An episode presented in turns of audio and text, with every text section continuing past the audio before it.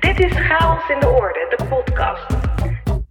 Ik ben Rachel Levy en in deze podcast ga ik ontrafelen hoe we oude patronen kunnen doorbreken en hoe we meesters kunnen worden in creativiteit en innovatie.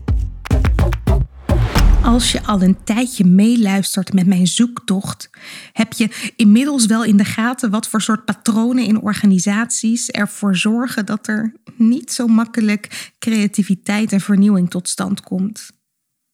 Het vele praten zorgt voor een praatcultuur, terwijl innovatie eigenlijk vraagt om iets anders. En organisaties weten dat ook wel. Er wordt heus wel aangevoeld dat er een ander soort houding nodig is. Minder praten, meer doen. De zoektocht gaat vooral over hoe. Hoe doorbreken we dat gedrag en wat kan ons daarbij helpen? Vanuit organisaties wordt dan ook met een gezonde nieuwsgierigheid en misschien een beetje jaloezie gekeken naar andere werkvelden zoals ontwerpers en architecten. Zij komen van niets tot iets en bedenken de handigste dingen. Innovaties die de wereld soms voorgoed veranderen. Hoe doen ze dat toch? En kunnen organisaties daar niet iets van leren?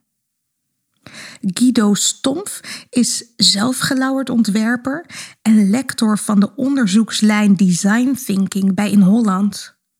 Design thinking is een manier van denken zoals ontwerpers dat doen. En waarmee ook creatieve oplossingen ontwikkeld kunnen worden voor meer maatschappelijke vraagstukken. In deze aflevering leer je van Guido kijken en denken als een ontwerper. Chaos in de orde. De zoektocht. Guido Stompf is ontwerper. Voor hem is het de normaalste zaak van de wereld om te leren door gewoon iets te creëren. En dat is precies het omgekeerde van wat hij in organisaties ziet gebeuren wat, wat ik waarneem als ik kijk naar uh, bedrijven, organisaties, overheid, niet-overheid, dat maakt eigenlijk helemaal niet uit. Is dat je, je, ziet een, ik gebruik gelijk even een moeilijk woord, paradigma. Uh, wat, wat heel erg gebaseerd is op praten, communicatie, probleemgericht. En dat hoort allemaal bij elkaar, als ik het zo mag zeggen. Waarbij, ik, ik zou haast zeggen, een beetje een managementachtig paradigma. En dat snap ik ook. Want als je manager bent, dan praat je veel. Dan zit je rond de tafel. Als je met uh, iets geregeld moet hebben, nodig je mensen uit. Dan kom je rond de tafel te zitten. Of je, je belt dus op. Of je doet een teamsgesprek eh, tegenwoordig in coronatijd. Maar je bent gewend dat je gereedschap, als ik het zo mag zeggen, is taal en communicatie. En uh, dus veel praten, veel e-mails en dat soort dingen. Nou, wat je ziet is vanuit dat paradigma dat je dus op die manier samenwerkt en dat communicatie heel belangrijk is, vliegen we ook dingen in als innovatie. Dus er moet dus ook heel veel gepraat worden over innovatie. En dan moeten we vooral veel mensen samenbrengen en dan moeten we vooral veel praten. Nou, ik zal niet helemaal ontkennen dat daar ook een paar belangrijke dingen in zitten. Dat je met veel mensen uh, samen dingen doet en dat je samenkomt. Maar wat we helemaal over het hoofd zien, is dat er een andere dimensie aan kennis en kunde is. En dat is doen, creëren, maken, proberen dat zit heel erg in een, uh, in een andere wereld. Nou, en even om een voorbeeldje te geven, dat, dat, van dit, ben best abstract, realiseer ik, maar ik ga het lekker gewoon wat visueler maken. Ik heb een uh, oefening ooit ontwikkeld. Die heb ik met, met nou, ik denk wel, misschien wel 5.000, 6.000 mensen gedaan ondertussen. Dat is de Coffee Filter Challenge. Die kan je ook op de TEDx uh, die ik heb terugzien. Daar praat ik erover al jaren geleden. Maar dat is eigenlijk een oefening waarbij ik mensen koffiefilters geef in een team. En dan, moeten ze, dan zeg ik altijd van dit is geen koffiefilter. Wat is het wel? En dan moeten ze dus iets ter plekke innoveren. Van wat is dit dan wel? Nou, wat je ziet is dat als ik dit doe met, uh, met uh, jonge mensen, met studenten of met, uh, met mensen die, die, die ja, kan eigenlijk van alles zijn. Die beginnen gelijk dat ding te scheuren, uit elkaar te halen, in elkaar te stoppen. Dus die spelen ermee.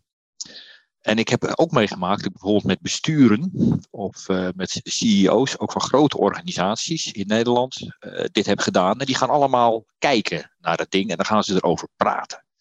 Dan zitten ze allemaal rond die tafel en dan zitten ze allemaal te kijken naar dat ding. En dan, ja, het zou een koffiefilter, dat zou ook een waterfilter kunnen zijn, of het zou ook een, ja, wat zou er nog meer kunnen filteren?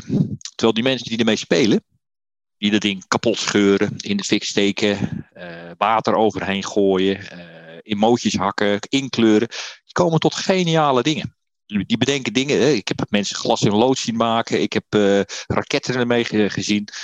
Dus door te spelen ontstaat er een heleboel vernieuwing. Nou, wijs ik daarmee dat paradigma van praten en communiceren af? Nee, dat is ook nodig. Maar ik zeg, als je wil innoveren in bedrijven en organisaties, moet je ook dat andere doen. Dus behalve dat er gepraat moet worden, moet je ook maken, proberen. Die neiging in organisaties om eerst uitvoerig naar een uitdaging te kijken, er dan over te denken en dan een heel plan te maken voordat we iets gaan doen, is heel diep verankerd in onze manier van werken. Guido denkt dat we nog steeds vastzitten in de rationele filosofie van Descartes. Van uh, het, het, de mind-body dualism heet dat. Die, die zit heel diep in ons westerse denken. Dat is namelijk dat ik denk en er is een wereld daarbuiten. En alles wat ik doe, alles wat ik doe, daar denk ik eerst over na. Dus wat ik doe, is een gevolg van wat ik denk. Dat, dat zit gewoon. Er zijn waarschijnlijk ook luisteraars nou die allemaal denken van ja, de, kan dat anders dan? Nou, als je gaat kijken naar design thinking of naar hoe mensen of naar kunstenaars, dan zie je dat ze anders doen. Als iemand schildert, dat even een voorbeeld wat ik vaker doe, dan heeft hij echt niet perfect op het netvlies wat hij gaat schilderen. Hij heeft ongeveer een idee, maar dan pakt hij zijn, zijn, zijn palet, dan gaat hij voor zijn canvas staan, dan pakt hij een kleur en dan begint hij zijn eerste lijn op te zetten. Ja, ik zit het nou uh, letterlijk te doen, maar dat kunnen de luisteraars niet horen, maar ik hoop dat, uh, dat, dat u zich dat kan voorstellen. Die gaat staan en dan, dan zet hij een lijn op, dan zet hij een stap naar achter en dan kijkt hij er eens naar, verandert die kleur een beetje, die zet hij er eens naast, gaat weer eens wat schilderen en gaandeweg ontstaat een kunstwerk. in 9 van de 10 keer is het niks. Vindt hij zelf ook niet. Maar 1 van de 10 keer maakt hij iets, dat verrast hem. Dan zegt hij, wauw, moet je nou eens kijken wat ik gemaakt heb. Zeg, jeetje, dat zag ik ook eigenlijk niet aankomen. Zegt hij niet, want dat zijn we ons niet van bewust. Het ontstaat in het proces. Maar wat is nou de crux? Je leert door te creëren. Je innoveert door te maken en erop te reflecteren. Dus in plaats van dat je zegt van ik denk en ik doe, is het veel meer ik doe en ik denk. En dat is ook niet helemaal waar. Het is ik doe, ik denk, ik doe, ik denk, ik doe, ik denk, ik doe. Of nog beter, ik doe, ik reflecteer, ik doe, ik reflecteer, ik doe, ik reflecteer, ik doe, ik reflecteer. Nou, dat is eigenlijk de kern van innovatie. Als je iets nieuws doet wat je nog nooit eerder gedaan hebt, moet je eigenlijk af van, ik ga van tevoren alles plannen en plannen en helemaal helder hebben en dan gaan we rennen. Je moet er eigenlijk naartoe dat je zegt, we gaan rennen, we gaan dingen maken en we gaan erop reflecteren. Als Guido dit zo beschrijft, klinkt het heel logisch dat creatie zo werkt. Doen en daardoor leren. Maar vanuit dat managementparadigma, vanuit die rationele manier van kijken en handelen, is het een enorme stap. Eigenlijk proberen we in organisaties alle problemen op dezelfde manier aan te pakken. En Guido legt uit dat dat niet werkt. Dat er verschillende soorten problemen zijn die we allemaal op een andere manier zouden moeten aanpakken. De eerste is analytisch. Dat is, en, en het klassieke voorbeeldje, daar past je perfect bij, is de huisarts. ik, uh, ik hoest een beetje en dan ga je erheen en dan gaan we een diagnose stellen. Is dat hoesten nou eh, door een griepje ingegeven of hebben we hier te maken met corona? Nou goed, op dit moment, nu we dit gesprek opnemen, uh, zijn er nog meer middelen. Maar je gaat dus een diagnose stellen. En op basis van die diagnose weet je ook wat je eraan moet doen. Dus als we maar de oorzaak van het probleem vinden, weten we ook wat we moeten doen. 90% van de problemen kan je op die manier perfect oplossen. Dat gaat ook over waarom start mijn auto niet? Of uh, uh, waarom sluit mijn, mijn, deur niet goed van mijn, van mijn huis? Hè? Dus wat, wat, wat is er aan de hand? Wat kan ik eraan doen? Maar er zijn ook problemen waarbij dat niet geldt. Waarbij het niet zo eenduidig is. En de grap is, ik, ik, ik noem het maar gelijk, dat is eigenlijk bij alles waar mensen bij betrokken zijn. Op het moment dat wij verschillende meningen hebben, dat we verschillende perspectieven hebben. Dus als meerdere mensen iets samen moeten gaan doen, of samen een probleem hebben, in een organisatie ook. En ik, ik vind het woord probleem zelfs al vervelend om te gebruiken, om heel eerlijk te zijn. Maar laten we even zeggen, samen iets moeten doen. Dan zie je al gelijk dat het alleen maar helemaal proberen uit te analyseren niet gaat werken. Omdat we nu eenmaal verschillende perspectieven hebben op iets. dus wat jij goed vindt en wat ik goed vind, dat hoeft helemaal niet hetzelfde te zijn. En wat ik een hele mooie oplossing vind, dat vindt iemand anders misschien een hele slechte oplossing. De andere manier van, van naar problemen kijken, naar de wereld kijken, is dat je accepteert dat, dat er ambiguïteit is. Dat is ook weer zo'n zo'n moeilijk woord, maar dat hoort wel heel erg bij design thinking. Dat is namelijk dat we er op verschillende manieren naar kijken. En op het moment dat je ambiguïteit hebt, dan kan je jezelf, je kan, je kan tien jaar uh, analyse loslaten en dan nog steeds zullen we het niet eens zijn over sommige problemen. En ik bedoel, denk aan het woord klimaatprobleem en je snapt wel uh, wat ik bedoel. Maar dat geldt ook over parkeren in de straat, bij wijze van spreken. Wat de een heel belangrijk vindt, namelijk parkeren voor, uh, voor zijn eigen huis. Dat vindt iemand anders volstrekt onbelangrijk en zelfs heel vervelend. Want ik heb spelende kinderen. Ik wil die kinderen, uh, of ik wil die, die auto's uit de straat. Zeker niet te hard rijden. Dus verschillende perspectieven. Ik maak hem heel klein, hè. Laat zien dat je, ja, daar kom je eigenlijk niet uit met een analyse. Je kan alleen maar zeggen dat met een analyse van, nou, ik vind dit erger en dat wat minder erg. Maar ja, dan ben je er nog niet. Nou, waar gaat design thinking over? Is dat je eigenlijk zegt, oké, dan wordt het misschien tijd om nieuwe frames, nieuwe manieren van kijken te gaan doen, waar we tot nu toe nog niet aan gedacht hebben. Nou, die weten we niet van tevoren. En dan krijg je dus dat je moet gaan leren door creëren. Moet je dingen gaan proberen, andere uh, angles, andere manieren van kijken gaan, uh, gaan, gaan verkennen. Als je een duidelijke diagnose kunt stellen, dan is er vaak direct een oplossing voorhanden. Maar is die duidelijkheid er niet, dan moet je dus een manier vinden om om te gaan met onzekerheid? Er zijn eigenlijk twee vormen van onzekerheid. En de ene is dat je iets niet weet. En dan kan je dus meer gaan analyseren om meer te weten. Ik kan een boek gaan lezen of ik kan iets gaan uitzoeken. En een andere vorm van onzekerheid is, is dat we het gewoon niet eens zijn. Dat is ambiguïteit. En op het moment dat je ambiguïteit hebt, een van mijn favoriete schrijvers is eh, Carl Wake, is een Amerikaanse organisatiefilosoof die zegt altijd van, ja, wat is nou de valkuil van organisaties? Is dat op het moment dat er ambiguïteit is, dan zetten ze er een team op om te bestuderen. Maar die, die gaan alleen maar vanuit hun eigen frame, vanuit hun eigen manier van kijken, gaan ze argumenten vinden waarom zij gelijk hebben. Maar daar zit niet het probleem. Ambiguïteit gaat over dat we het niet eens zijn. En dan moet je dat adresseren. En respecteren en kijken van, kunnen we dat transformeren? Nou, dat is een hele andere manier van kijken. Dat zijn dus wel twee verschillende vormen van, van uh, uh, onzekerheid. Dus de gewone onzekerheid, het niet weten, versus we weten het wel, we zijn het alleen niet eens. En in dat laatste geval, waarin er allerlei meningen en perspectieven zijn, zie je gebeuren wat Guido beschrijft. We gaan er eindeloos over praten in de hoop dat er consensus ontstaat. Ontwerpers doen dit dus anders. Zij onderzoeken liever in praktijk wat wel of niet werkt. En die houding gaat veel verder terug dan het rationele denken van Descartes. Eigenlijk is design thinking als oud als de mensheid. Dat is heel grappig. Op het moment dat we de eerste handbijlen bedachten, als ik het zo mag zeggen, om, uh, om helaas dieren mee te doden. Ja, ik ben een vegetariër, maar goed, dat, uh, uh, laat maar even zo zeggen, dat we handbijlen bedachten, zie je al dat mensen iets deden wat heel erg lijkt op design thinking. Dat is namelijk we vinden een steen, we maken hem scherper en dat hebben we ontdekt dat dat eh, helpt. We hebben zelfs ontdekt hoe we dat scherper kunnen maken en daarmee zijn we succesvoller. Dus design thinking, heel veel mensen denken dat het hartstikke hip en nieuw is. Het is hartstikke oud. Zo oud als wij mensen. Maar wat is dan, uh, waar komt het vandaan? Is dat als je kijkt hoe een kathedraal wordt gebouwd in de middeleeuwen, hè, de mensen die daar iets meer van weten, dat, dat duurde 150 jaar. Dus dat geen grand plan was, dat, dat ontstond gaandeweg. Allemaal mensen samen die allemaal een bijdrage deden. En daar zijn fantastische dingen uit ontstaan. Alleen we hebben heel lang de neiging gehad, tot aan diep in de uh, jaren 2000. Plus 2004 is eigenlijk voor het eerste keer dat ze dat paradigma begonnen om te draaien. Er is heel lang gezegd dat dat een beetje aanklooien is. Dat beetje prutsen en proberen. Ja, ik, ik, ik hou van dat soort woorden. Ik zeg altijd prutsen is het nieuwe innoveren. Maar dat is altijd een beetje prutswerk geweest. Dat, dat wat die mensen doen. Die denken niet goed na en, ze hebben mazzel dat ze eruit komen. En pas in het begin van deze eeuw begonnen uh, mensen van buiten de wereld van design door te krijgen dat er eigenlijk iets heel bijzonders aan de hand was. Dat ze niet prutsten omdat ze het niet goed uitanalyseerden, maar dat ze prutsten omdat ze met problemen te maken hebben waar je jezelf niet uit kan analyseren. En dat ze daar heel erg handig in waren. Een goed praktisch voorbeeld dat laat zien hoe design thinking werkt, is het bouwen van een huis. Kijk, als je aan een architect vraagt om ontwerp nou eens een huis voor mij, dan verwacht je niet van die architect dat hij precies maakt, uittekent wat jij nou aan hem vraagt. Waar je op hoopt, is dat hij iets gaat toevoegen waarvan jij zegt, Jan Dikkie zeg, dit is helemaal niet wat ik in gedacht had, maar nu ik het zie, ben ik er heel blij mee.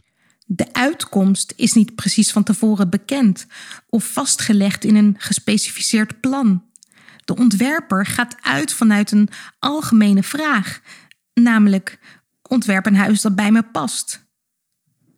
Guido vraagt vaak aan mensen die dit hebben meegemaakt en die inderdaad samen met een architect aan een huis hebben gebouwd, hoe ze dit hebben ervaren. Dan vraag ik altijd hoe ging dat? En dan zegt hij altijd het volgende. En dat was al een heel rommelig proces eigenlijk met die architect. Het ging echt van, ging alle kanten uit. En dan zeg ik, was je heel tevreden met je huis? Of ben je heel tevreden met je huis? Ja, ja, eigenlijk wel. Ja, wat voor rapportcijfer geef je? Ik zeg, nou, dat is dan wel een uh, 8,5 of een 9 of een 9,5. Ik zeg, moet je je even voorstellen. Als wij nou met z'n allen sociale verandering of transities in organisaties gaan doen. We krijgen zo'n rommelig proces. Maar aan het eind zeggen we allemaal, ik wist niet dat ik dit wilde. Maar nu het is, vind ik het eigenlijk geweldig. En ik geef het een 8,5 of een 9. Kies jij dan voor het rommelige proces? Of kies je dan voor dat analytische proces? Dan zie je dat, ben ik heel eerlijk in, de hele zaal dan altijd zoiets heeft van, oh ja, oh, misschien moeten we dan toch maar eens wat meer gaan rommelen en klooien en proberen. Al voelt het rottig als je er middenin zit. Rommelig voelt ongemakkelijk. Maar dat is wel wat innovatie is en hoe het voelt. Ongecontroleerd, onwennig, alsof er niet goed over is nagedacht. Maar dat is nu juist de bedoeling. Je denkt erover na terwijl je aan het bouwen bent. Net als in het voorbeeld van de kathedraal. Innovatie is dus als je als groep mensen iets doet wat nieuw voor jullie is. Nou, als je iets doet wat nieuw voor jullie is, dan kan dus niemand van tevoren overzien wat eruit gaat komen. Dus, dus een manager die denkt, ik gebruik nou even het woord manager, maar ik heb ook studenten die denken dat bij wijze van spreken Steve Jobs, toen hij nog leefde in zijn goede dagen, dat hij precies wist waar ze naartoe gaan. Dan zeg ik altijd, nou dream on. Dat is echt dus niet hoe het ging. Hij had wel een team van mensen om zich heen, die met hem samen de boel op zijn kop konden zetten en, en heel innovatief konden zijn. Maar het was echt niet zo dat hij precies wist wat ze gingen maken daar bij Apple. Dat hij de ziener was die dat heeft. Maar dat is wel het beeld. En ik heb het steeds over uh, paradigma's en dat soort dingen. Maar dat koesteren wij in de westerse wereld. Westerse wereld, hè. Dus wij houden van die, die lone genius, die man of vrouw, het zijn vaak mannen dan in ons beeld, maar die dan alles weet en de grote roerganger is, die ons vertelt waar we heen moeten. Kijk naar, uh, naar kranten en je ziet dat Elon Musk vandaag ook die status heeft hè, bij heel veel mensen. Elon Musk, die, die, die weet waar we naartoe gaan. Dus wij koesteren dat beeld in onze westerse wereld. Wij houden van het geniale individu. Als je kijkt naar innovatie in het wild, daar, gaat, daar is altijd mijn onderzoek over, uh, over gegaan. Dus ik ben gaan kijken naar hoe werkt het in het wild. Dan zie je dat ideeën nooit bij één iemand ontstaan. Dat het altijd tussen mensen ontstaat. Dat het altijd aanklooien is. En daarmee zeg ik niet dat iedereen het kan. Ik zeg ook niet dat uh, goede persoonlijke skills en zo niet super belangrijk zijn. Die zijn echt heel belangrijk. Maar dat er één iemand dat allemaal van tevoren kan voorspellen, nee. Dat is, uh, dat is de grote mythe van de westerse wereld. Als het echt zo was gegaan en Steve Jobs had van tevoren een heel plan uitgedacht en precies uitgestippeld wat, wanneer en hoe en door wie moest gebeuren, dan was het misschien wel helemaal niet gelukt om die iPhone te ontwikkelen. Die is juist tot stand gekomen in een rommelig proces. Guido is zelf 30 jaar ontwerper geweest. Hij ziet voor zich hoe dat gegaan kan zijn op basis van zijn eigen ervaring.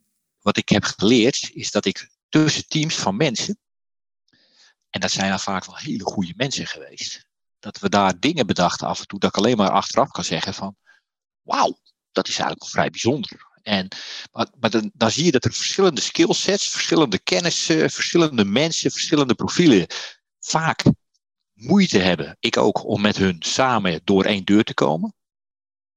We waren helemaal niet lief voor elkaar. We hadden een grote hekel aan elkaar. En ik heb het nog met sommige mensen. En uh, niet dat ik zeg dat ik een grote hekel aan ze heb. Maar die weten dat wij. Eigenlijk proberen we elkaar altijd een beetje te vermijden. Terwijl als we samenkomen, dan gebeurt er iets bijzonders. Juist, hè, ik moest zeggen wel eens een keer, als, je, als je iets wil laten glimmen, dan, dan, moet, dan heb je wrijving nodig. Nou, dat geldt met creativiteit en innovatie ook. Je moet eigenlijk twee werelden samenbrengen, die normaal gesproken niet zo heel vaak samenkomen. Kennis van buiten, kennis van binnen, vakgebied 1, vakgebied 2. Iemand die heel sociaal is met iemand die heel technologisch is. En als je die samenbrengt, dan, dan kan er wel eens iets ontstaan wat niemand kan voorspellen van te horen. Nou, dus als je innovatie nastreeft, nou, wat je me stiekem onder water hoort zeggen, dat is eigenlijk helemaal niet leuk. Het is, uh, het is hard werken, het is veel ruzie maken, het is grote kans op falen. Maar als je innovatie wil, dan moet je je vooral daarop organiseren. Innovatie is bijna nooit de prestatie van één persoon. Juist door samen te werken met alle oneenigheid die dit oplevert, ontstaan interessante ideeën. Daarom laat Guido de Koffiefilter Challenge ook altijd in teams doen.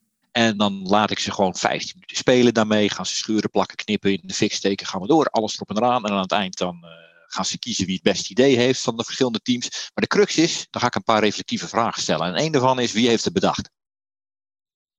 En dat is heel grappig. Dan, dan, dan leer je al een heleboel. Er zijn er altijd mensen bij die zeggen, nou dat hebben we samen gedaan. Mooi. En er zijn ook altijd mensen die dan een hand opsteken. En dat is helemaal niet erg, want die zijn er echt van overtuigd. En die hebben ook een belangrijk aandeel gehad dat ze dat idee hebben gedaan. Maar wat ik dan doe, is dan zeg ik, oké, dan ga ik, ik wil met jou terug naar exact dat moment dat jij dat idee kreeg. Jij zei op dat moment, we gaan er een, weet ik veel, schemerlamp van maken. Waarom zei je schemerlamp?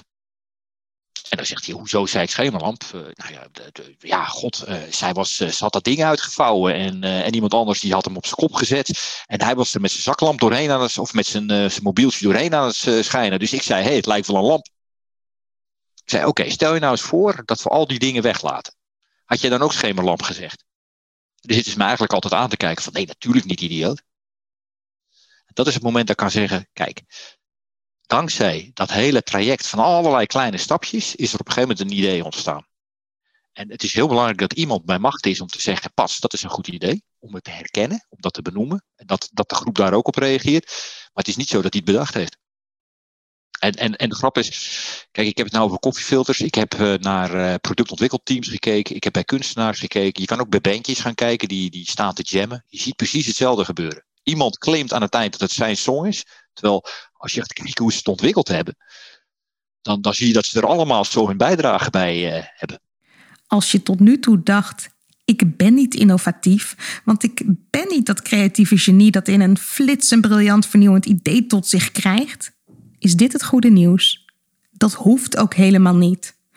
Als je loslaat dat je van achter een tekentafel tot briljante ideeën moet komen, maar gewoon lekker met je collega's gaat prutsen, word je misschien wel verrast.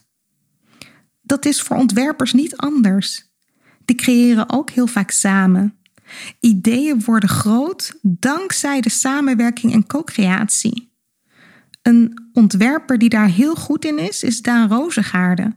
Misschien wel Nederlands bekendste ontwerper van deze tijd. Alleen wordt het hem nog wel eens kwalijk genomen dat hij de faam heeft, terwijl de ideeën waarom hij bekend werd niet zijn toe te schrijven aan één individueel genie, maar juist aan een team effort. En dat kwam nogal dramatisch tot uiting in het tv-programma College Tour. Waarom was het zo'n bijzondere uitzending? Je zag daar de clash van twee paradigma's op tv. En Daan, best een pittig mens, zullen maar zeggen, liep de studio uit in een live uitzending. Zo boos was hij. Want wat gebeurde daar? Daan van Roosgaard is typisch een ontwerper die de hele tijd allemaal mensen bij zich, om zich heen verzamelt. En, en, en die ziet en die kijkt en die ruikt en die loopt overal langs en die ziet allemaal ideeën en mensen gave dingen doen. En dan zegt hij, joh, weet je wat jij doet? Daar moeten we iets heel anders mee doen. En dat doet hij dan. Dus er werd op een gegeven moment besproken dat hij, ik geloof dat het een, een of ander Chinese gebouw was, waar ze windenergie, ik weet niet meer precies wat het was. En daarna liet ze een interview zien met een engineer, een, een ingenieur die dat principe had bedacht. En die claimde dat het zijn idee was en niet van Daan van Roosgaarden.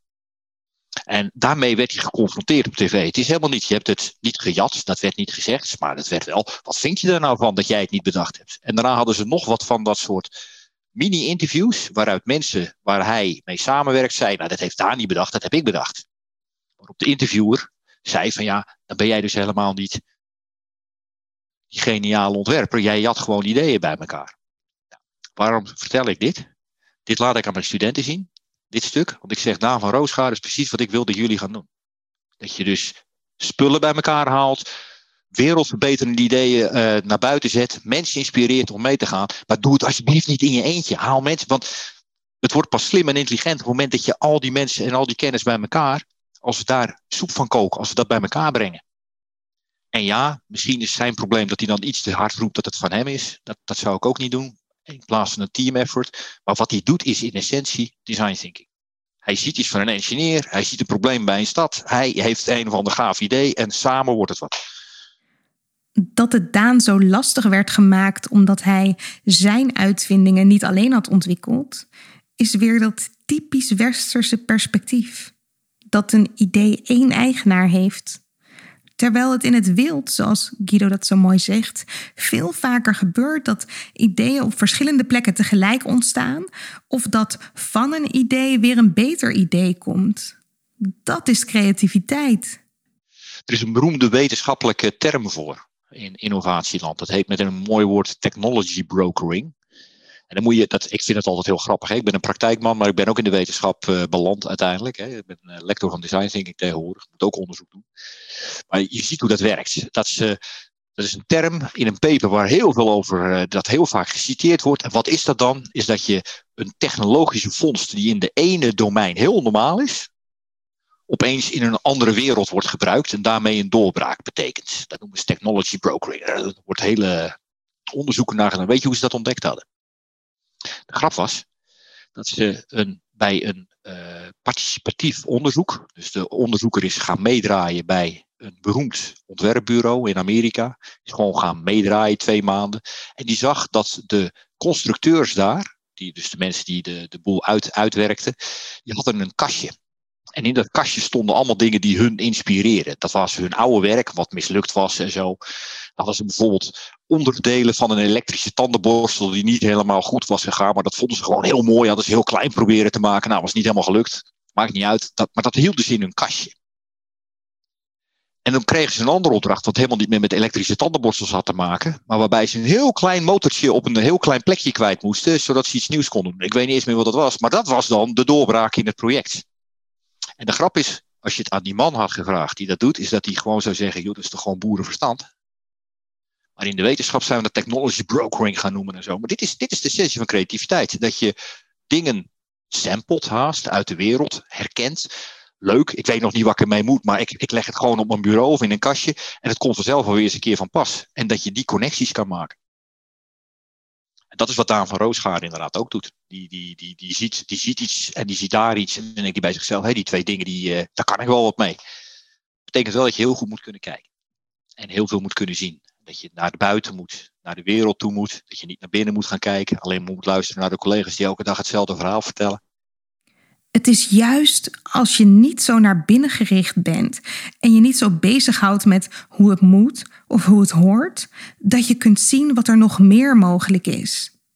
Innovatie ontstaat bijna altijd aan de rafelranden van de organisatie, waar het niet zo goed georganiseerd is waar mensen contact hebben naar buiten, die, waarvan we nog niet eens zeker weten of we die contacten wel willen hebben en dat soort dingen. Eh, mensen die van nature wat meer naar buiten gericht zijn of rare hobby's erop nahouden in een organisatie, dat je denkt, hoe ze dat? Maar die die skills kunnen inzetten. Daar ontstaat innovatie. Omdat ze dus verbanden leggen die niet helemaal passen in de normale dingen. En daar, daar kan het ontstaan. Daarom is het ook zo interessant om actief op zoek te gaan naar andere perspectieven om in contact te zijn met techies en kunstenaars en sporters en biologen en te vragen hoe zij naar een vraagstuk kijken. Je ziet dat als je verschillende stukjes kennis bij elkaar probeert te brengen in een puzzel die van tevoren helemaal niet past, dan kan er iets nieuws ontstaan. Als je een homogeen team hebt, een puzzel die helemaal van tevoren in elkaar is gepast, dan gaat echt niets nieuws ontstaan. Als iemand iets zegt waarvan jij denkt, wat bedoelt hij nou? Dat je echt eventjes je eigen aannames ter discussie moet doen. En dan kan een innovatie ontstaan. Ik was ooit lang, lang, lang geleden, met, toen nog mijn vriendin, tegenwoordig mijn vrouw, uh, in India in een trein. We hadden een heel gesprek met een Indiaanse man. En, uh, en op een gegeven moment, zitten van alles te vertellen en uh, wat we doen en, en dat soort dingen. En, en, en opeens veranderde dat hele gesprek. En we moesten met hem mee naar huis. Dat was, uh, dat, uh, ja, we moesten bij hem komen en hij moest, dat, uh, we moesten zijn familie ontmoeten en zo. Nou, we waren toen nog dusdanig jong en flexibel dat we gewoon zeiden, weet je wat, we stappen uit die trein, we gaan mee, leuk. En nou, wat bleek nou? Dit, we werden helemaal kapot geknuffeld door, door, door zijn vrouw en zijn moeder en we waren heel erg welkom. Maar hij vond ons heel erg zielig.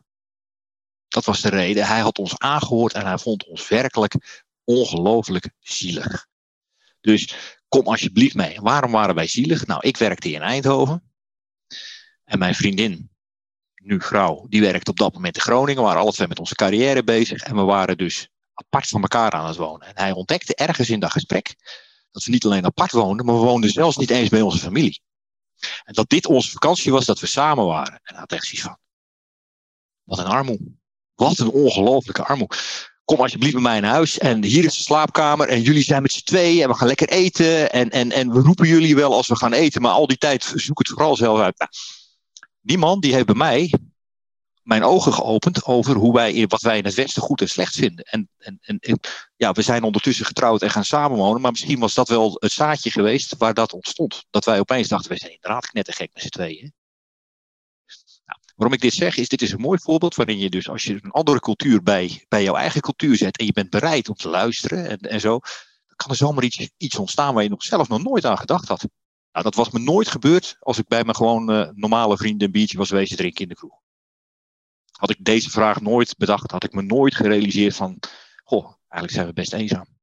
Je denkruimte wordt vergroot als je andere perspectieven dan de jouwe hoort. En dat kun je inzetten in je werk. Je kunt een vraagstuk gaan aanpakken door net als een ontwerper te denken en een situatie eens op een andere manier te bekijken. En eigenlijk eh, komt het erop neer: ik krijg een probleem. X, Y, Z. Ik moet een huis voor iemand ontwerpen. Ik moet iets bedenken voor het parkeerprobleem in de straat. We moeten wat bedenken om het aantal coronagevallen wat te verminderen in uh, wat te snel groeit in Nederland. Maakt niet uit. Een willekeurig probleem. En ik heb eigenlijk niet het gevoel dat ik me hieruit kan analyseren. Bijvoorbeeld omdat er verschillende meningen zijn, bijvoorbeeld omdat ik weinig tijd heb.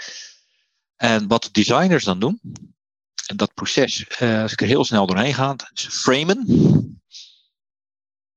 Framen is, is dat je zegt, ik ga op een bepaalde manier kijken naar de situatie. En dat kan ik bijvoorbeeld doen door te zeggen, hoe zou uh, uh, de gebruiker naar dit kijken? als ik eventjes, uh, of laat ik maar even het parkeerprobleem nemen, dat is wel een mooie. Dus hoe zou iemand er naar kijken die in de straat woont?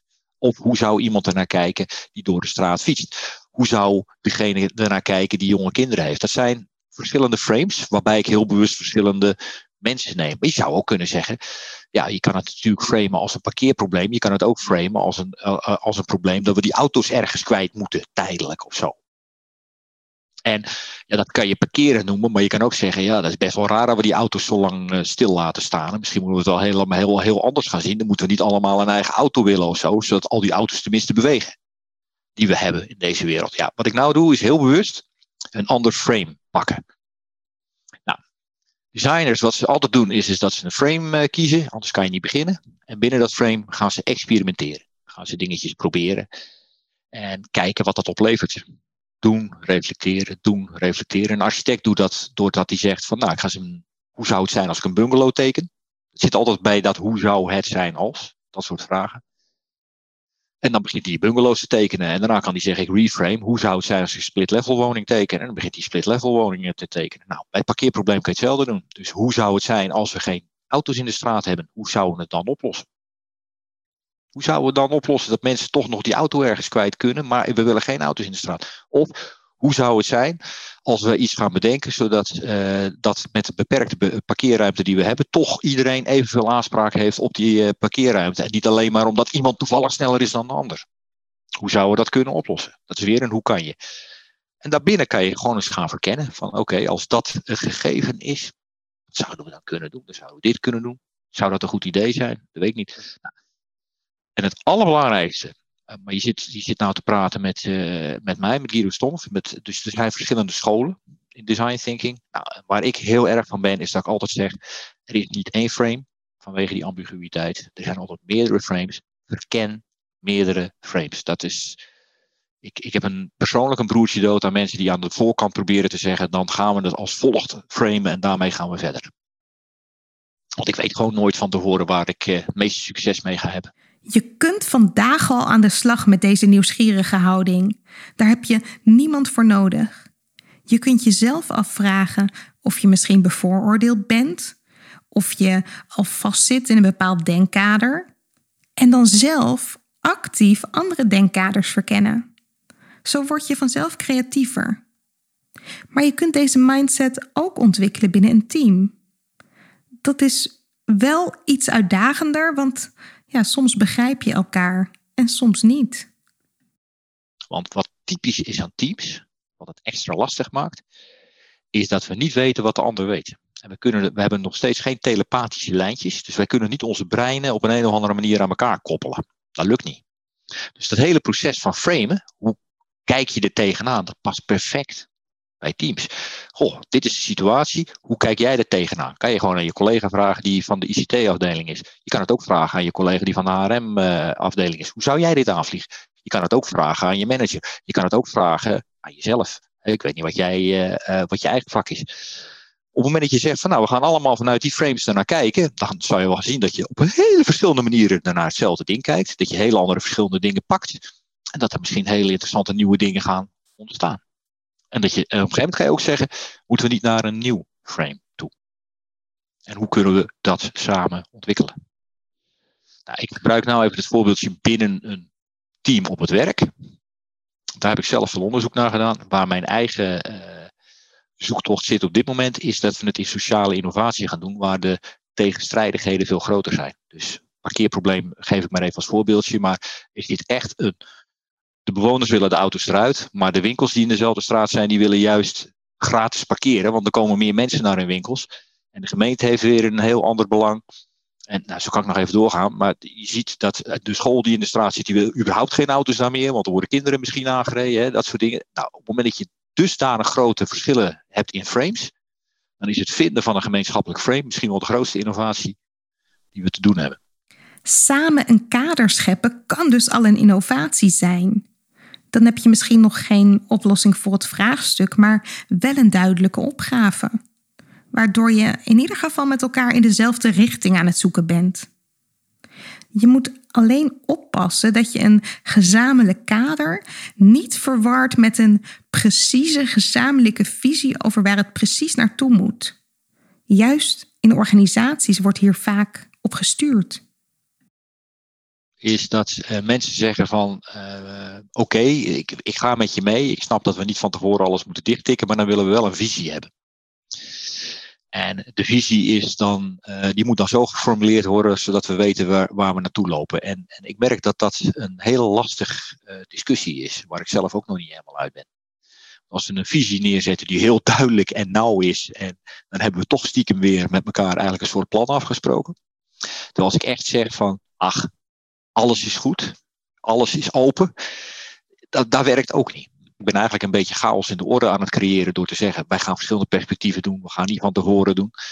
Maar het is wel mijn zoektocht ook, van hoeveel chaos introduceren we aan het begin en hoeveel visies introduceren we, opdat we aan het eind tot iets nieuws gaan komen. En dat we, dat we iets kunnen oplossen en dat we iets kunnen verbeteren. Want als je het helemaal compleet uit elkaar trekt, dan werkt het ook niet meer. Dan is het ook weg.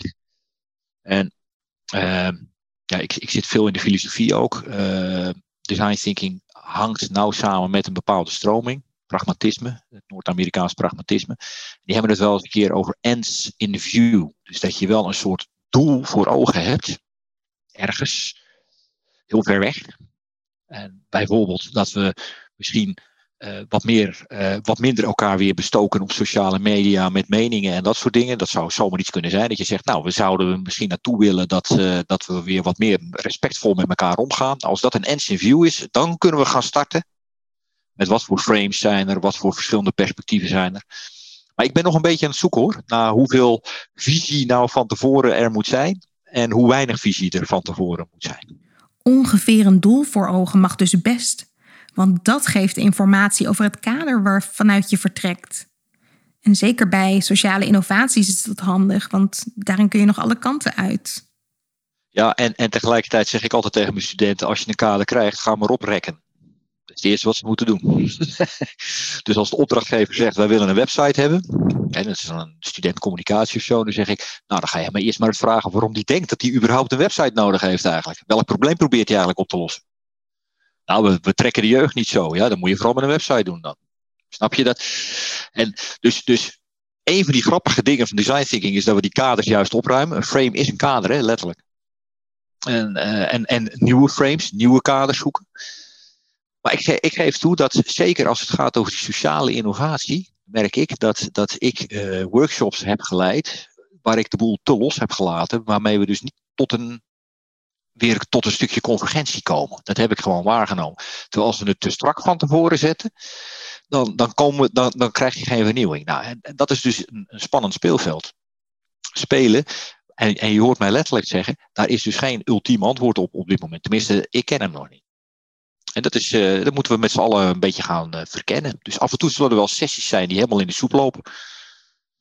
Het is zoeken. Hoe je kunt leren van ontwerpers in een omgeving waar men niet gewend is om te denken als ontwerpers. Omdat je van tevoren niet weet wat eruit komt, is er eigenlijk ook geen garantie dat een groep tot innovatie komt. Hoewel Guido vindt dat hij die garantie wel moet kunnen geven. Dat heeft te maken met de essentie van design thinking. Het, het, het komt eigenlijk voort uit de wereld van de kathedralen bouwen, de architectuur en dat soort dingen. En, en ik heb dat nog niet verteld, maar als je kijkt naar de geschiedenis, dan zie je dat van design thinking eigenlijk begon het eerst met grafische vormgeving. Op een gegeven moment ging het over dingen, producten, gebouwen. Eh, twintig jaar geleden zijn we richting interactie gegaan. Dus dat is interactieontwerp, hoe ik mijn computer bedien en hoe ik met een apparaat uh, bedien en hoe ik uh, kan pinnen. Dat is interactieontwerp. En we zitten nu in het tijdperk waarin we zitten na te denken over systemen. En daar zijn we nog niet helemaal uit. Maar systemen ontwerp je ook. Bij alles wat je ontwerpt, dus ook systemen en organisatievormen, kun je design thinking toepassen. En het zou daarbij eigenlijk niet uit moeten maken wat je ontwerpt, vindt Guido. Een resultaat moet je altijd kunnen beloven. Als je kijkt naar architect, eventjes als archetype van een ontwerper. Stel eens voor dat je naar een architect gaat die zegt: Ik wil dat jij voor mij een nieuw huis ontwerpt. En die zegt: Nou, dan moet je wel zeggen van tevoren dat ik, dat ik niet zeker weet of dat gaat lukken hoor. Dat weet ik echt niet. Misschien komen we er wel uit, misschien niet. Ik denk dat jij dan gelijk weer een andere architect zoekt. En dat geldt dus bij, uh, op het moment dat je gaat nadenken over uh, sociale innovatie, geldt hetzelfde. Als je dan een sociaal innovatiebureau inhuurt, hè, en, en, ze zeggen van tevoren, nou ja, ik denk niet dat we eruit gaan komen, die kans is heel klein. Dat, dat, daarmee mogen ze niet starten. Wat ze wel zeggen, hè, want ik werk veel met dat soort bureaus, ook, vaak met dat soort bureaus ook samen, is dat ze wel zeggen van nou, wij weten niet precies waar we gaan eindigen. Dat is wat anders. Maar we gaan wel stappen vooruit zetten. En alleen spreek niet met ons af wat de uitkomst gaat zijn. Dus spreek niet met ons af dat bijvoorbeeld bij zo'n heel simpel sociaal probleem als het parkeerprobleem, dat je zegt van ja, uh, er moet wel uh, geld aan verdiend worden of zo, dus we willen wel dat er parkeermeters komen. En voor de rest mag je nou alles uitvogelen. Nee, dat, dat, dat werkt even niet. Dus als jij zegt wij willen het parkeerprobleem in de binnenstad gaan aanpakken, dan moet je dat even durven loslaten of er een volledige oplossing komt voor het probleem en in welke richting precies kun je niet garanderen. Maar je kunt dus wel beloven dat er altijd resultaat komt. Want een verbetering is altijd mogelijk. De letterlijke definitie trouwens van design, van design thinking, is dat je nadenkt over plannen van actie om een bestaande situatie te veranderen naar een meer geprefereerde. Dat is wat je doet. Dus als je zegt van, ik weet niet waar ik uitkom, maar ik weet wel dat er meer mensen straks zal zeggen duim omhoog. Hartstikke goed. Prima, dan komen we ermee weg. Ja, en nou, en nou komt die. Design thinking. En, en zo arrogant zijn de, uh, design thinkers. Ik hoorde mijn collega lector uh, van de week dat ook uh, zeggen. Nou, ik kan niet van tevoren voorspellen wat we gaan opleveren. Ik durf wel te zeggen dat we dingen gaan verbeteren. En nou komt die. Want wij hebben het proces om dat te doen dat analytische gaat, daar kom je er nooit mee uit. Je kan tien jaar studeren op een parkeerprobleem, dan weet je alles en alles en alles, en dan heb je nog steeds geen oplossing. Dat de designers die zeggen gewoon, ja, ik weet niet precies waar ik uitkom, en ik weet niet of ik op een 8 of een 9 uitkom, maar ik weet wel dat ik vooruit ga. Dankzij dit rommelige, gekke proces van framen, experimenteren, reflecteren, experimenteren, reflecteren, nog een keer op je gezicht gaan, nog een keer op je gezicht gaan, en dan opeens is er iets waarvan iedereen zegt, potjan dikkie het is hem toch gelukt. Ontwerpers hebben vertrouwen in dit proces, hoe rommelig of klungelig of rottig het ook verloopt. Mensen die aan design thinking of aan innovatie gaan doen, ik zeg het alvast maar, je moet een hele hoge tolerantie voor ambiguïteit hebben. Dat je aan het begin tien verschillende meningen hoort, die haaks op elkaar staan. En dat je dan niet in paniek raakt of denkt, weet je wat, ik ga mijn baas vragen wat ik moet doen, want ik weet nou niet meer wat, uh, wat het goede is. Dat je gewoon zegt, god, dat is grappig zeg, we zijn het werkelijk over alles niet eens. Nou, dan ga ik eens even lekker een uh, glaasje wijn drinken en een weekend houden. Nou, dat is, dan, moet je echt, dan moet je echt uit een bepaald soort uh, hout gesneden zijn om, om op die manier daarmee om te kunnen gaan. En vertrouwen hebben dat je over drie maanden het wel weet. Of een beetje beter weet met elkaar. Het blijft een onzeker proces. En daar moet je wel tegen kunnen. En dan ga ik iets heel raars zeggen. Ik, heb, uh, ik weet niet of het. Dit is niet, niet onderzocht. Maar ik, ik ben ervan overtuigd geraakt dat er maar weinig dingen zijn waar zoveel burn-out te vinden is. Als bij innovatie en design thinking. Ja. En dat heeft alles te maken met die, die, die, die, die threshold voor ambiguïteit. Dat je, kan je daar tegen, ja of nee? Dat je onzeker bent. En dat je je eigen neiging kan onderdrukken om dan maar snel keuzes te maken. Om dan maar tot een knoop uh, door te hakken en andere mensen niet mee te nemen. En, en dat soort dingen. Want ja, dat, is allemaal. En ik, ik, um, wat ik vaak bij organisaties zeg, als we zo'n traject ingaan, is dat het hartstikke goed is. Mensen vinden het ook altijd geweldig. Dat is echt waar. Ze vinden het leuk. In de zin van, vooral in het begin, ze vinden het ook zwaar. Maar ik zeg er altijd bij, we gaan er maar eentje zo'n traject even doen dit jaar. Ga nou niet alles op deze manier proberen aan te vliegen, want je moet hier aan wennen. Het is misschien als metafoor. Design thinking lijkt toch wel heel erg op spring maar uit het raam. En zie maar of je kan vliegen halverwege. Voor heel veel mensen. Nou, en dat is best wel stressvol. Ja, het is heel erg leuk om aldoende te leren. En met design thinking heb je een veel grotere kans dat er vernieuwing tot stand komt dan wanneer je met elkaar gaat zitten vergaderen. Daarom is design thinking ook zo populair geworden in organisaties. Ik weet dat er hele volkstammen zijn die, die, die heel graag dit willen, die heel graag meedoen, die mijn boek graag lezen, uh, die, die workshops willen hebben, die heel graag in de hackathons meedoen. Maar een jaar lang in totale onzekerheid je weg zoeken en met een grote kans dat het uiteindelijk toch niet werkt, is voor heel veel mensen heel spannend. Niet iedereen is uit hetzelfde hout gesneden. En dat is niet erg. Als iedereen kan doen waar hij goed in is, kan er een heel mooi creatieproces ontstaan.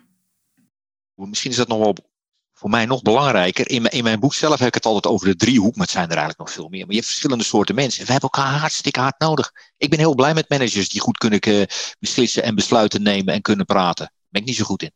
Besluiten nemen en, uh, en alle mensen bij elkaar. Ik ben heel creatief, kan allerlei dingen aan elkaar verbinden. Kan uh, of werkgroepen kan ik faciliteren en dat soort dingen. Maar op de stoel van een manager wil ik niet zitten. Ik ben heel blij met een goede manager. Ik ben ook heel blij met goede mensen die heel goed onderzoek kunnen doen, heel goed kunnen analyseren. Nou, waarom ik dit zeg is, als je dus zo iemand in de design thinking stoel zet, dan is het de kans op burn-out gigantisch. Terwijl er zijn ook mensen die voelen zich compleet thuis in die chaos. Nou, en, eigenlijk de boodschap die ik, die ik uh, de hele wereld de hele tijd probeer mee te geven is, we hebben elkaar nodig. Alleen als ik kijk naar organisaties, kom ik veel managers tegen kom veel analytici tegen, ik kom veel mensen tegen die met taal werken, met woorden werken, met e-mails werken. En ik kom maar heel weinig mensen tegen die zeggen, weet je wat, we gaan gewoon eens proberen. We gaan gewoon eens wat gekke dingen doen. We gaan gewoon eens uh, maken. Ze zijn misschien in de minderheid, maar in iedere organisatie lopen er wel een paar rond. Guido vertelt over Kim Spinder, de auteur van het kleine innovatieboek, over de tijd dat ze nog ambtenaar was en een design thinker in hart en nieren. Dat is hoe zij als jonge meid uh, toen nog bij Rijkswaterstaat kwam. En dat ze van haar uh, baas te horen kreeg dat ze een Skype-ruimte moesten hebben. Dat is nog in de tijd dat Skype net opkwam en dat, was, dat kon je niet op je werkplek doen, dus er moest een speciale ruimte voor komen. En zij vertelde dat dus in die lezing, dat zo van ja, Skype-ruimte, prima. Ja, ik ben jong, hè, dus ik, ik snapte wel Skype en zo, dus prima. En toen kwam ze vrijdag bij hem terug, zei ze, en het was klaar. En toen zei die baas, hoezo is klaar? Ik heb niks gezien. En wat heb je gedaan dan? Nou ja, daar is de ruimte en die is blauw geschilderd. En er staat een, uh, er staat een uh, pc en uh, het is stil de deur kan dicht en je kan daar skypen. Ja, maar dat was niet de bedoeling. Er moest een plan komen en een visie komen. En hoe gingen we dat dan doen? En hoeveel geld ging dat kosten en budget? Oh, oh nou ja, we hebben het gewoon gedaan. Nou, waarom ik dit vertel? Als je uit dat hout bent gesneden, Dat je gewoon zegt, ja jongens, het zit weer nou moeilijk te doen. We gaan er gewoon eens wat proberen. We gaan het gewoon maken. Hé, hey, zie je, het werkt al. Dat is, dat is een bepaald type mensen. Die passen vaak niet heel goed in klassieke organisatiestraatjes. Ze zijn altijd in de breedte, ze zijn altijd passen niet. HR-managers hebben een grote hekel aan design thinkers, uh, heb ik wel eens een keer gesteld in een lezing. Ze passen nooit. En tegelijkertijd kan, kan je ze alleen maar knuffelen en omarmen, want ze maken dingen mogelijk. Ik bedoel, je kan natuurlijk zeggen van uh, Kim, wat stout van jou dat je zomaar uh, zo'n kamer in, uh, in twee dagen in elkaar gesleuteld hebt. Maar ze heeft het wel van elkaar gekregen en, en voor bijna geen geld en ze had hem wel. Misschien ben jij ook uit het juiste hout gesneden om te handelen als een Guido of een Kim. Je luistert tenslotte naar chaos in de orde. Er is één tip die ik echt wil meegeven. En daarmee kom ik mijn hele leven al overal mee weg in organisaties. Dus dat ik, eh, als ze dan vragen om een plan en een planning en een visie en een uh, budget. En uh, dat moet dan in 60 pagina's in een template voor ik aan de slag kan. Wat ik dan meestal zeg is, weet je wat, dat kan, maar dan zijn we al 30.000 euro verder. Met consultancykosten en werkuren en dat soort dingen. Wat we ook kunnen doen, is dat ik eerst eventjes iets probeer. Dat gaat, dat gaat je 10.000 euro kosten, want dan heb ik dit, dit en dit nodig. En dan proberen we eens wat. En weet je wat de grap is? Dat zegt werkelijk elke manager in de wereld. Ja, daar praten we niet eens over, over dat bedrag. Dus ga je gang. En dat is de manier hoe je deze manier van denken, dat ze dat gaan zien. Dus ja, we hebben dat nodig, structuur en plannen en visies, zeker met grote groepen. Maar als je daar niet helemaal goed in past, conformeer je niet. Maar ga er ook niet vol tegen in dat het allemaal heel stom is. Maar leg gewoon even uit dat jij voor veel minder geld, of met veel snellere resultaten, misschien ook wel iets kan doen. Maar dan, dan moet je me even de ruimte geven. Nou, en uh, ik, ik weet dat ik makkelijk kan verkopen, maar ik denk dat, je, dat er veel mensen uh, zullen ontdekken dat ze er makkelijk mee wegkomen. Dat mensen gelijk zeggen, nou joh, als jij, als jij gewoon denkt dat het kwestie is van even een laptop kopen en dan dit doen en dan werkt het weer. Waarom niet? Probeer het maar. Ik kan het beter voor minder als je me even de ruimte geeft. Die houding wordt zeker gewaardeerd. Behalve op de momenten dat het voor managers echt spannend wordt. De coronacrisis was hier een prachtig voorbeeld van, zegt Guido. Je ziet dat bij de corona dat opeens de ministeries moesten gaan design thinken, want het is een situatie die niemand weet wat er nou uh, wat eruit gaat komen, waar de meningen belachelijk verdeeld zijn op dit moment, compleet gepolariseerd en toch moeten wij eruit zien te komen. En dan kan er zo'n Guido, ik dus wel zeggen van joh, we gaan gewoon eens wat doen en proberen, maar dat is al heel erg licht, ondraaglijk licht. Nee, dat gaan wij doen door alle mensen samen te brengen, heel veel te praten, consultants erbij, heel veel geld uit te geven, een plan, een plan en een visie. En dan te ontdekken dat het mislukt. Nou, dit is dus wat, wat ik noem de ondraaglijke lichtheid van design thinking. Want op dat soort momenten, dat er dan een Guido is die zegt, joh, je moet gewoon een beetje spelen. We gaan gewoon een beetje Pippi Langkous nadoen. Dat is niet het goede moment om dat te zeggen. Omdat het zo spannend is. En dat, is, dat maakt het ondraaglijk licht. Als het echt spannend wordt, als we voor een compleet nieuwe uitdaging worden gesteld, schieten organisaties vaak in de kramp dan willen ze juist proberen alles te beheersen en te controleren, ook als ze daarmee dus niet tot een oplossing komen. Dat is de paradox. Organisaties worden serieus op het moment dat ze misschien wel wat meer zouden moeten spelen. Daar zit dat paradigmaverschil. Uh, ik snap dat het een heel groot probleem is. Maar zelfs dat hele grote probleem, het is de enige manier om het op te lossen. Maar op die momenten dan zie je dat iedereen weer terugschiet met waar ik dit gesprek mee begon. Met vergaderen, vertrouwen op taal, communiceren. We moeten gelijk een expertgroep om ons heen organiseren. Uh, om draag, uh, draagkracht te krijgen in de maatschappij gaan we allemaal groepen organiseren die ook allemaal hun inbreng mogen doen. En zwaarder en zwaarder en zwaarder en logger en logger en logger. En ruimte voor experimenteren. Hoezo experimenteren? Toen ik promoveerde had ik een uh, stelling. En ik weet hem niet meer helemaal uit mijn hoofd. Maar het kwam er eigenlijk op het volgende neer. Hoeveel uh, prototypes denk je dat je uh, moet maken voordat je een auto de weg op mag sturen? Dat zijn er ettelijke honderden. En hoeveel prototypes van wetten maken wij voordat wij ze in Nederland enforcen? Dat wij zeggen, dit is de wet. Nou, nul. Nul prototypes. Wij denken nog steeds, als het gaat over wetgeving, dat je gewoon samen moet komen, moet praten, heel veel moet schrijven. Dan schrijf je het op, dan wordt het door de Kamer uh, goedgekeurd en dan zetten we het uit. En daarna ontdekken we altijd dat die wetten niet helemaal goed zijn. Omdat we ze niet prototypen, we testen ze niet, we proberen ze niet, we proberen niet verschillende frames, we proberen niet verschillende manieren. Ik zeg altijd, misschien zouden we eens een keer voor de grap een wet moeten proberen in één stad, hoe het uitpakt. En als het goed uitpakt, dan rollen we het uit over heel Nederland. Dat is, hoe, dat is het innovatieparadigma, het design thinking paradigma. Radicaal accepteren dat je het niet zeker weet van tevoren houdt in dat je het gaat testen. Dat je plan A en plan B hebt, omdat je niet weet wat het beste plan is. Dat is design thinking. Leren door te doen. Het experiment is de enige weg, juist bij complexe vraagstukken. Hoe ondraaglijk licht het ook wordt. Chaos in de orde.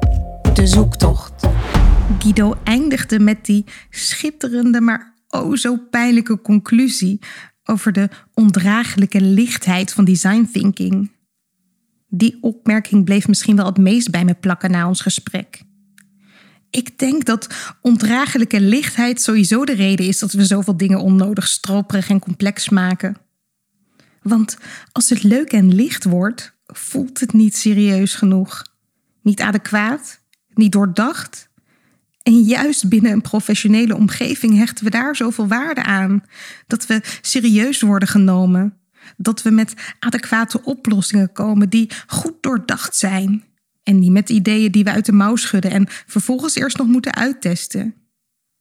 Terwijl, wat zou er gebeuren als veel meer mensen, net als in het voorbeeld van Kim Spinder, gewoon dingen gingen doen? Als ze veel sneller van idee tot uitvoering zouden komen. Volgens mij geeft dat veel meer energie. Dan zie je tenminste dat er iets gebeurt, dat je ideeën waarde hebben. En ja, zou het chaotisch worden? Vast wel. Maar toch ook veel leuker. Dus, merk jij nou de komende tijd dat je heel veel met je collega's in gesprek bent over een bepaald onderwerp? Dikke kans dat jullie je ergens proberen uit te analyseren, terwijl je je er niet uit kunt analyseren. Waarschijnlijk heb je dan dus te maken met zo'n ambiguë situatie, waarbij verschillende frames en perspectieven relevant zijn. En dan, als je dat merkt, dan wordt het misschien tijd om te leren door te doen, zoals ontwerpers. Om heel bewust de verschillende frames te benoemen. En dan eens vanuit één frame te vertrekken en te brainstormen welke mogelijkheden er zouden kunnen zijn. En dan gewoon eens iets uit te proberen, zodat je kunt ondervinden of je op de goede weg bent. Vind je het leuk om hier meer over te leren? Ja, lees dan vooral eens het boek van Guido Stompf. Design Thinking. Radicaal veranderen in kleine stappen. Creativiteit, innovatie. Het lijkt omgeven door een mysterieuze mist. Een geheim voor briljante breinen en getalenteerde kunstenaars. En toch, het moet toch voor iedereen toegankelijk zijn? Aflevering voor aflevering graaf ik steeds een stukje dieper. Ben jij enthousiast? Abonneer je dan op deze podcast en laat een review achter in de app waarmee je luistert. Hoe meer reviews we ontvangen, hoe meer mensen deze podcast kunnen vinden. Zo zorgen we samen voor meer chaos in de orde. Wil jij zelf chaos in de orde brengen? Download dan gratis het e-book Chaos. 10 manieren om patronen te doorbreken. Je vindt het op chaosindeorde.nl slash podcast. Deze podcast wordt je aangeboden door Huis van Verbeelding. Het bedrijf voor zakelijke creativiteit. Tot de volgende keer en veel chaos!